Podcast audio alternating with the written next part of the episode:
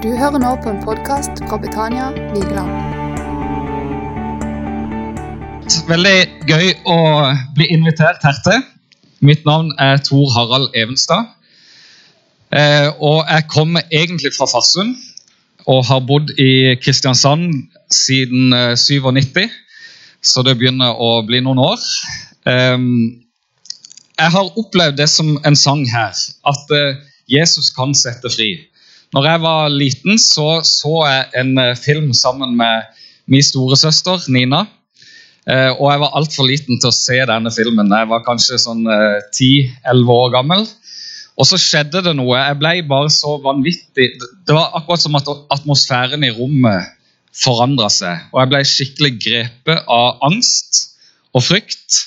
Og det gjorde at jeg ikke turte å være alene i det hele tatt. Jeg, liksom, jeg, kunne ikke gå inn i et rom alene, jeg kunne ikke gå til skolen alene. Jeg var ikke med på noen skoleturer.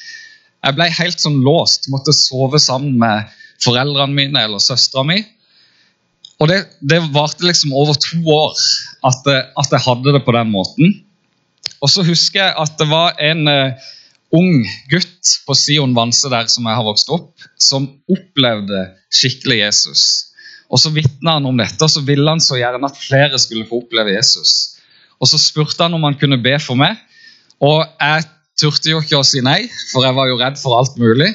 Eh, og I den perioden som, som jeg var liksom bundet av frykt, så turte jeg ikke å, å be til Gud engang. For jeg var, jeg var livredd for alt overnaturlig, alt åndelig. Og jeg tenkte hvis jeg ber, og det kommer en engel, så dør jeg jo av skrekk. Eh, så jeg turte ikke å be. Men så kommer han her fyren og, og spør om han kan, kan, be for meg.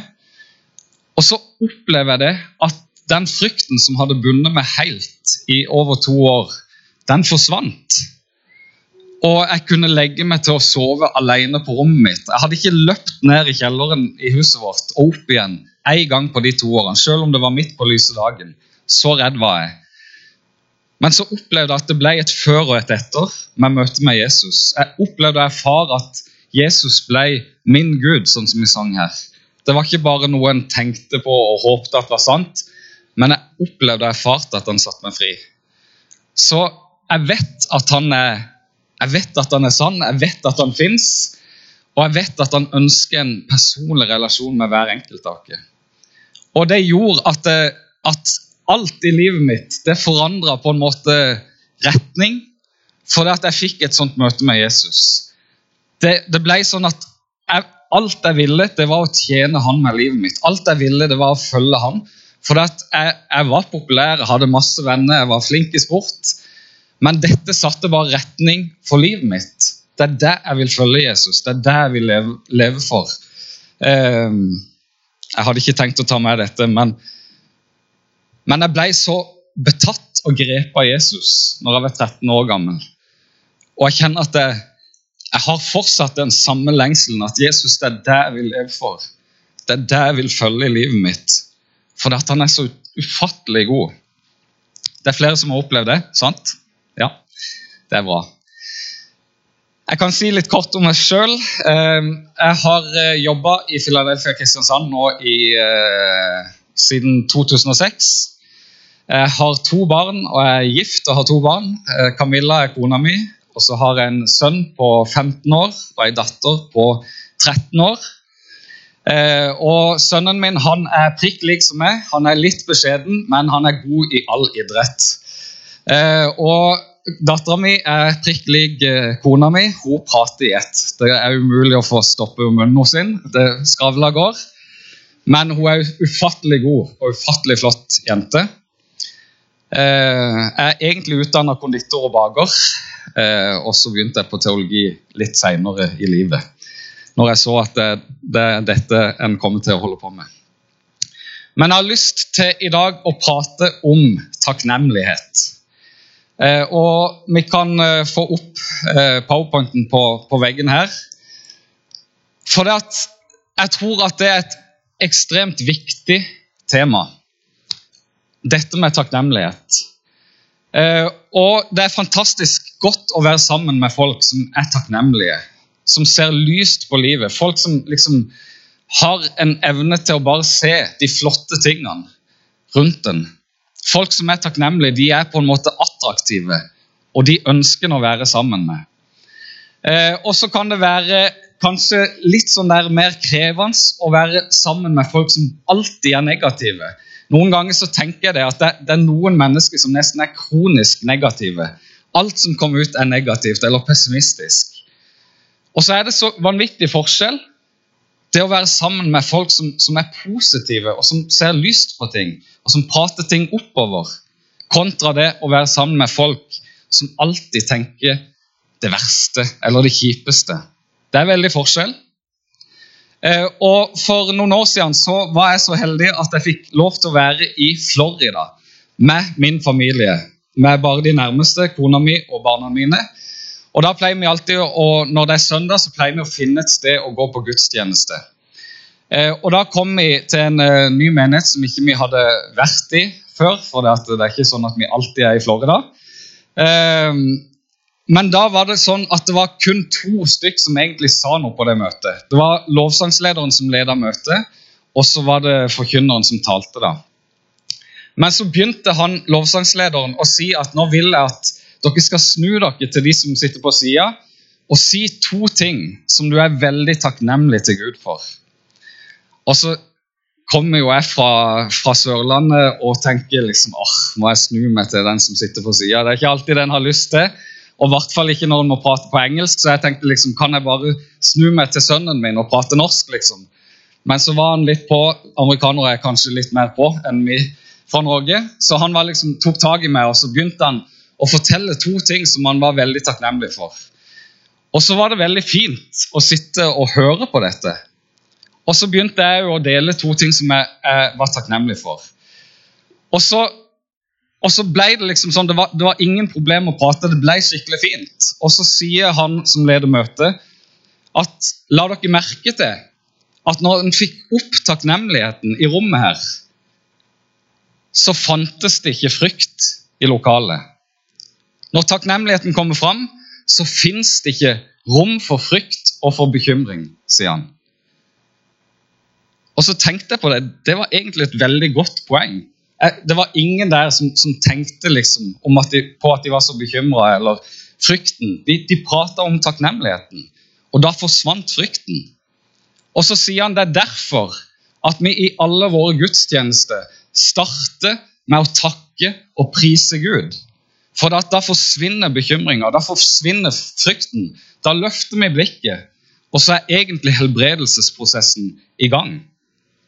Og så tenkte jeg så ufattelig bra, det har jeg aldri tenkt på før i forhold til, i forhold til lovsangen vår, i forhold til lovprisninga. At det gjør noe. Det setter i gang en helbredelsesprosess. Det løfter blikket vårt sånn at noe annet må vike. Dere henger med på hva jeg sier? Og det er utrolig viktig, faktisk. Det står i Salme 100 så står det Rop med jubel for Herren, all jorden. Tjen Herren med glede. Kom fram for Han med jubel. Kjenn at Herren er Gud. Han har skapt oss, vi er Hans. Vi er Hans folk og den flokken som Han gjeter. Kom gjennom portene Hans med takkesang og inn i forgårdene med lovsang. Lov ham og velsign Hans navn. Herren er god, evig er hans miskunn. Hans trofasthet varer fra slekt til slekt. Så her i denne salma, salme 100, så står akkurat dette. At vi skal komme inn framfor Gud med takkesang, med lovsang. Og så er ikke det bare fordi at Gud ønsker at vi skal liksom ære Han, men det gjør faktisk så mye med meg og det. Det er ikke bare det at, at han er liksom vil ha all oppmerksomhet og vil at vi skal bare ære han og prise han og løfte han opp. Men han vet hva det gjør med våre liv når vi får opp takknemligheten, når vi får opp prisen. Da begynner det å leges ting i våre liv. Da forsvinner bekymring og frykt. Og det er ekstremt viktig. Det er to hovedgrunner til at han fortjener vår takknemlighet og lovsang. Og de to hovedgrunnene det er først og fremst for hvem han er, og nummer to for hva han har gjort for oss. Og dette er viktig å forstå, at det er to hovedgrunner til at han fortjener vår takk og lovsang. Nummer én for hvem han er. Nummer to for hva han har gjort for oss. Så altså så har egentlig ikke din takknemlighet noe Den er ikke knytta til åssen du har det, eller om ting går bra for deg, eller om ting går dårlig. Nei, alltid så skal du være takknemlig. For det at de to hovedgrunnene for vår takknemlighet, det er hva han har gjort, og hvem han er for oss. Og Mange ganger så, så kan en tenke litt sånn egoistisk og tenke at eh, ja, hvis bare, hvis bare jeg hadde fått den jobben, hvis bare jeg liksom hadde hatt det litt bedre Alle andre har det jo mye mer romslig økonomisk enn, det vi har i vår familie. Hvis jeg bare hadde hatt det litt mer romslig, så skulle jeg, skulle jeg liksom fått bort bekymringa. Så skulle jeg brukt livet på å bare takke og ære Gud. Men faktisk så viser det seg at vi blir ikke mer takknemlige jo mer vi har. Men vi blir kanskje faktisk mer utakknemlige. Vi glemmer å be for maten. Vi glemmer å takke for det gode vi har. Det er ikke sånn at jo mer vi får, jo mer priser vi Gud og ærer Ham. Men jo romsligere vi har det, jo mer klarer vi oss sjøl. Og så glemmer vi Gud. Og det er litt sånn viktig at vi har klart for oss at det er ikke vår luksus faktisk som bringer fram takknemligheten. Det er ikke vår komfort som gjør at vi henvender oss til Gud oftere. Men faktisk så, så, viser det seg at i tøffe tider så roper folk til Gud. Når det er trangt, så roper folk til Gud. Men i vår komfort så glemmer vi han. Og det er så viktig at vi løfter opp takknemligheten igjen. Jeg er jo pappa til to stykk, og jeg syns at utakknemlighet det er noe som er like dårlig. Eh, når barna er utakknemlige, det er ikke attraktivt. Det er ikke fint. Når, når du føler liksom at du har, gjort, du har stått så på for at de skulle komme på den treninga, du har avlyst møte på jobb, og du har liksom prøvd alt du kan for å liksom få de der de skal være i venner Han spiller fotball på Vindbjart. Og hvis den da bare blir møtt med utakknemlighet og at den liksom ikke Ja, det er ikke noe særlig.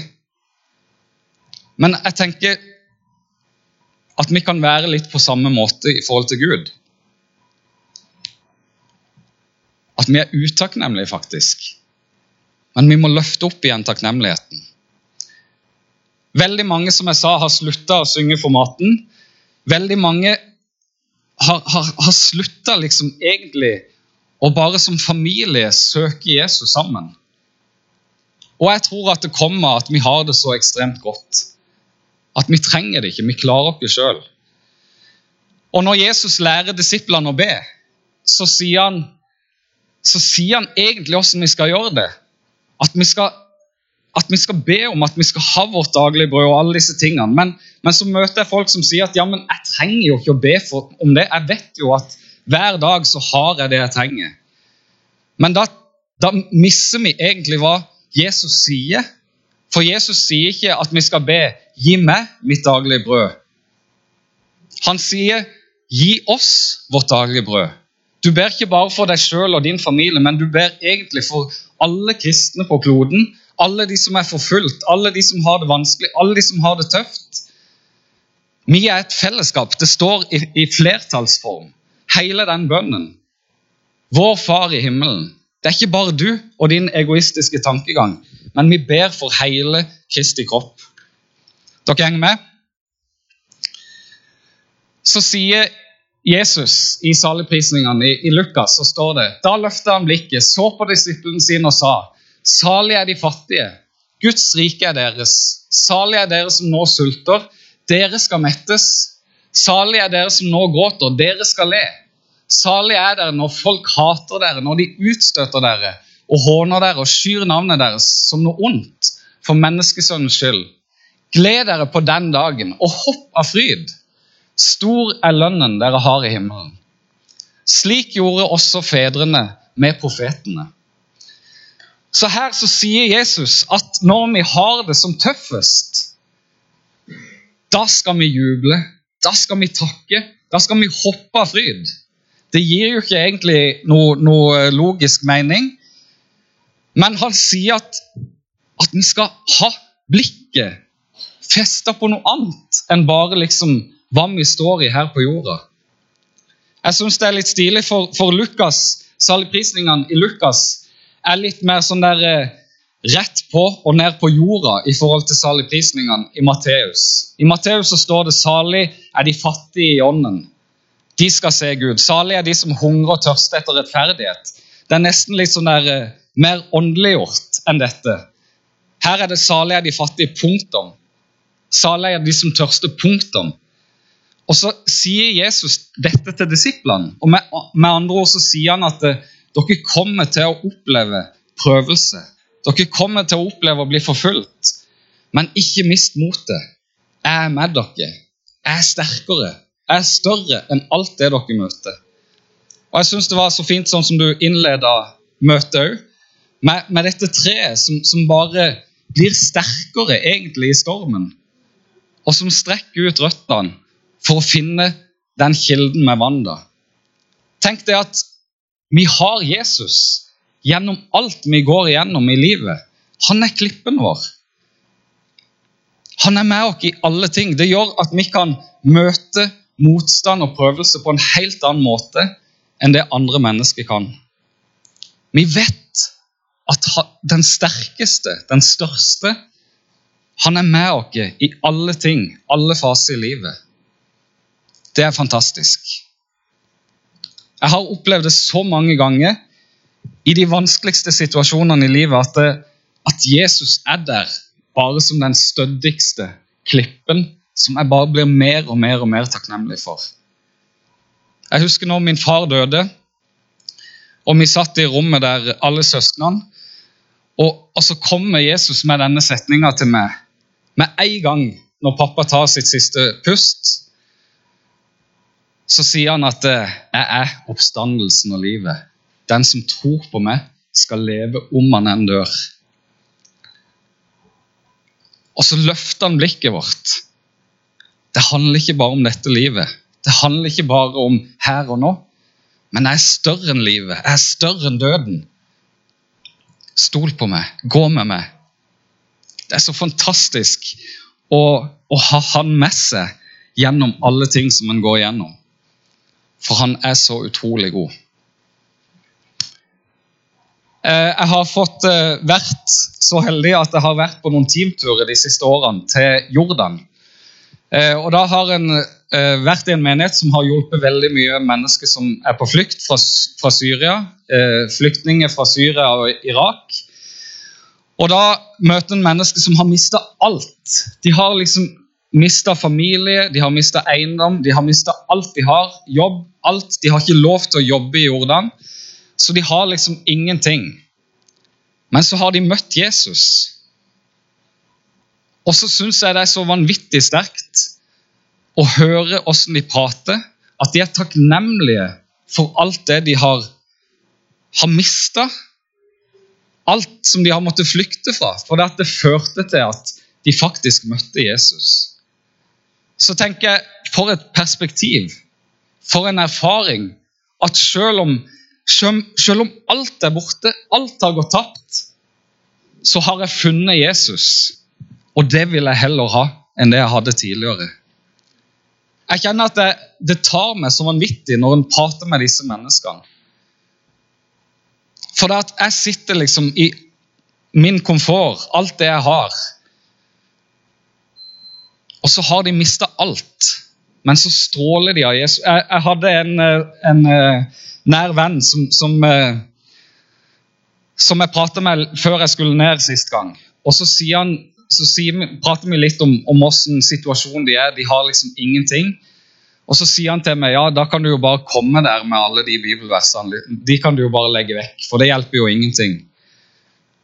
Men så tenker jeg det er jo akkurat det som hjelper. Vi kan gi dem mat, og så holde det for ei uke. Men det de sier, er jo at de er så takknemlige for det at de har fått møte Jesus. Midt i stormen, midt i det vanskelige, midt i håpløsheten.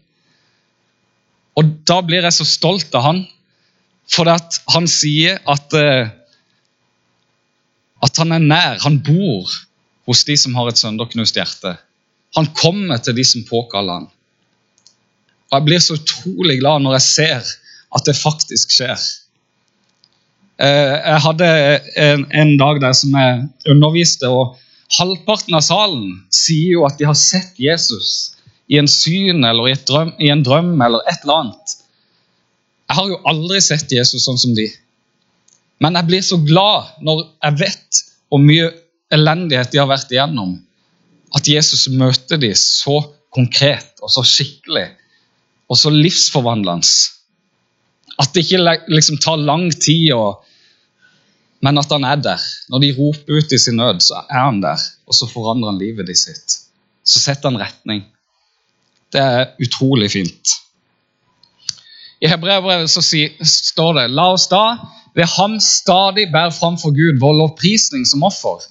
Det vil si frukten av lepper som bekjenner hans navn. Men glem ikke å gjøre godt og dele med andre, for slike offer er til glede for Gud. Så Her så står det at vi daglig skal bære fram offer til Gud. Først og fremst leppe som priser hans navn. Og så står det òg at, at vi skal prise Gud med våre gode gjerninger. Ikke bare ord og tungers tale, står det, men i gjerning og sannhet så skal vi ære Gud. Så jeg tenker våre ord og våre handlinger det må være med å løfte opp han, det må være med å prise han. Det må være, med å gi han ære og takk. Da er det troverdig. Det er veldig lett å bare si noen ord som en ikke mener. Men det må være troverdig, det må være sant, det må være ekte.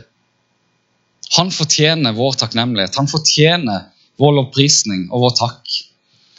I Efeserbrevet så står det 'syng og spill av hjertet for Herren'. Takk alltid vår Gud og Far for alt i vår Herre Jesu Kristi navn. Det er ganske ekstremt. Paulus skriver dette når han sitter i fengsel. Takk alltid vår Gud og Far for alt i vår Herre Jesu Kristi navn. Og så sitter han i fengsel. Bibelen kommer ofte med sånne oppmuntringer. Vær alltid glade. Takk Gud under alle forhold. Det høres liksom så umulig ut og vanskelig ut. Men det handler egentlig om om vi har blikket på omstendighetene, eller om vi har blikket på Han. Hvis vi har blikket på Han, så, så kommer takknemligheten automatisk. Det kommer som en frukt fordi at han er så fantastisk. Du er så glad for at, eh, at han er med deg gjennom dette. Jeg trenger ikke å være alene. Jeg trenger ikke å være uten håp. Men Gud er her. Hva kan da være imot meg, liksom? Alt makter i Han som gjør meg sterk. Det gir deg et helt annet blikk, et helt annet fokus. Eh, min bestefar Jeg har eh, Jeg tror Evenstad-navnet egentlig kommer fra Vigeland. Eh, så, så, familien min kommer herfra. og så har jeg på andre sida så har jeg Nordbø-slekt. Så min morfar han var liksom starta Farsund misjonskirke. Eh, og min morfar han døde i eh, høst, men han var et sånt vanvittig forbilde for meg. Han var alltid takknemlig, alltid positiv. Jeg hørte aldri noe galt komme ut av munnen på, på morfar. Det var alltid bare liksom så fantastisk. Han satt på, på hjem de siste årene Eh, og Hver gang jeg var inne der, så, så skryter han av alle ting. Det var jo så fantastisk mat her, og de er jo så snille. Alle som jobber her, de hjelper til, og de vet ikke hva godt de kan gjøre. Og se på denne flotte utsikten, sier han liksom. Så tenker jeg, hva, hva er det med denne mannen? Åssen går det an å prate sånn som dette? Og hver gang det kom noen inn, så skal han velsigne dem så begynner han Herren velsigne deg og bevare deg'. Om de hadde vært inne to og tre og fire ganger, så fikk de med seg velsignelsen. Hver eneste gang. Så tenker jeg sånn Å, Jesus, sånn skulle jeg ønske at jeg kunne bli når jeg ble gammel. Jeg tror det må skje noe hvis jeg skal bli så positiv som han var. Men det er, så, det er så attraktivt, det er så flott, det er så nydelig å være sammen med mennesker som bare alltid er takknemlige. Alltid er positive. Det er utrolig nydelig. Og så er det sånn at mennesker som er takknemlige, de har en tendens til å se alt det vakre, alt det flotte, mye klarere enn hvis du er nedstemt og negativ. Du hører fuglene synge, du, du, du, legger merke til de flotte detaljene i naturen, de flotte tingene rundt deg. Du ser de gode gjerningene som folk gjør liksom litt sånn i det skjulte. Mens når du er negativ, så er du på en måte lukka i forhold til de tingene. Du får det ikke med deg. Det går forbi deg. Fordi at sinnsstemninga di er annerledes. Jeg tenker, Gud, jeg vil, jeg vil, registrere, jeg vil se alt det flotte. Jeg vil være en sånn som bare leter etter gullet. Uansett hvor trangt det er, uansett hvor vanskelig det er, leter etter det positive. Jesus sier at vi kan ikke liksom gjøre noen ting med vår bekymring. Det er ikke synd å bekymre seg, for det står at Jesus sjøl var bekymra inntil døden når han var i, i, i, hagen. Så det er ikke det at det er synd, men vi trenger det ikke. Vi kan legge det på han, og så kan vi løfte blikket. Er ikke det flott?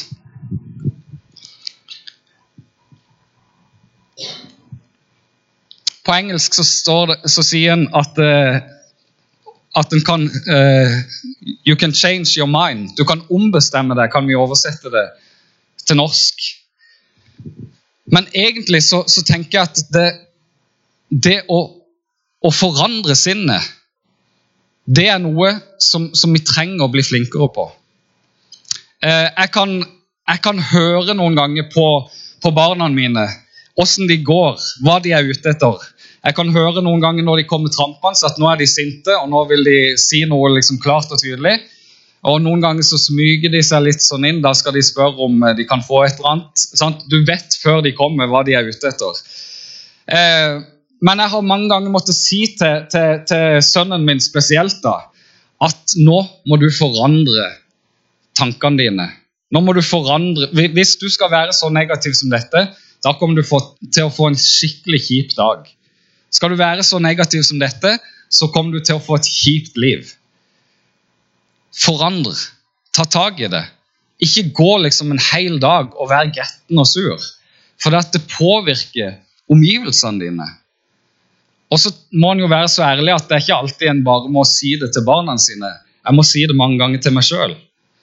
At nå, Tor Harald, nå ser du at du skaper dårlig stemning i hele familien må du skjerpe deg. Ta deg sammen. Kona mi Camilla hun sier ofte til meg faktisk Tor Harald, nå må du gå og være med Jesus. Og da vet jeg at da ligger hun ikke måten jeg er på. Og Hvis jeg er skikkelig sur, da, så kan jeg jo bli irritert av at hun sier det, og tenke 'gå og være med Jesus sjøl'. Eh, men som regel så har hun jo rett. Damene har jo alltid rett. Som regel så vet jeg jo innerst inne at ja, jeg trenger å legge vekk dette her. Og så er det så fantastisk når en kommer inn og er sammen med Jesus, så kan vi oppleve dette. Det står at vi skal la oss forandre ved at sinnet fornyes. Romerbrevet 12, 1 og 2, så står det at vi skal la oss forandre ved at sinnet fornyes. Og det er det en får lov til når en kommer fram for Gud. En kan få lov til å oppleve at han løfter blikket vårt. At vi ser situasjonen annerledes. At der vi ikke så noe håp, der alt var vanskelig og umulig, der ser vi at med Gud så kommer jeg gjennom dette. Det er fantastisk å være sammen med folk som er takknemlige. Men det er jo fantastisk å oppleve at Gud kan snu mitt fokus, mitt hjerte, mitt sinn at jeg kan legge av meg det tunge og det negative. Oppleve at han setter meg fri. Så Derfor kjenner jeg sjøl Jeg vet at jeg trenger å være med Jesus hver eneste dag. For jeg blir en bedre pappa av det. Jeg blir en bedre ektemann av det. Jeg, jeg ser det sjøl, at jeg prater annerledes etter jeg har vært sammen med Jesus. Og jeg tenker, sånn skal Vi være. Vi skal være lys og salt i denne verden. Skal, og det skal liksom ikke bare være at vi har gått på et smilekurs og, og liksom påklistra og falskt. Sant? Det skal være ekte. Jesus han gjør noe med hjertene våre, han gjør noe med livene våre. Og jeg tenker at Han ønsker at vi skal være takknemlige barn. Som ser at vi har så mye å takke for. Vi har så mye å leve for. Vi har så mye å være glad for. Uansett hvor du er i livet, uansett om du er liksom i det tøffeste og det vanskeligste, så ønsker han at du skal komme til han. Han ønsker at du skal løfte blikket. Han ønsker å være med deg i de tingene som du står i. Jeg husker jeg las, eh, om Nelson Mandela eh, når han skulle ut av fengsel. Så husker jeg han sa at eh, når jeg gikk til portene som leder til min frihet, så visste jeg at jeg måtte la bitterheten ligge igjen bak meg. Hvis ikke så vil jeg fortsatt leve i fengsel, sa han. Og det er ekstremt sant. Vi kan velge hva vi skal ta med oss videre i livet. Og vi kan velge faktisk hva vi legger igjen og legger på Jesus. Lar han bære istedenfor oss. Vi kan velge om vi skal være fri, om vi skal være positive, om vi skal være sånne som, som ser andre, løfter andre, hjelper andre, eller om vi skal være bundet og være sånne som, som bare ser oss sjøl og trenger hjelp sjøl. Selvfølgelig så har vi perioder i livet der vi, der vi opplever begge deler. Som pastor, selv om jeg er pastor, så, så trenger jeg hjelp av forsamlinga. Jeg trenger hjelp av de nærmeste. Men allikevel så er det mange ganger en kan velge å legge dette på Jesus. Løfte blikket og være annerledes. Skjønner dere hva jeg sier? Mm. Jeg skal ikke tale lenger, men jeg tror at han ønsker at vi skal komme til han. At vi skal være i hans nærvær. At han skal få lov til å berøre oss. Skal få lov til å styre dagen vår, skal få lov til å løfte perspektivet vårt, løfte blikket vårt. For da blir vi attraktive mennesker. Da blir vi fylt av hans kjærlighet da blir vi annerledes. Ikke påtatt og påtvunget, men da kommer det innenfra. Ekte, som er et resultat av at vi har møtt Jesus, vi har vært med Jesus. Og Jeg tror at det er viktig at vi lar han få ta de vonde tingene. For vi kan, vi kan noen ganger holde på det, tviholde på det, men vi kan òg velge å gi det til han. Jeg tror vi tar oss og reiser oss opp, så skal jeg slutte her.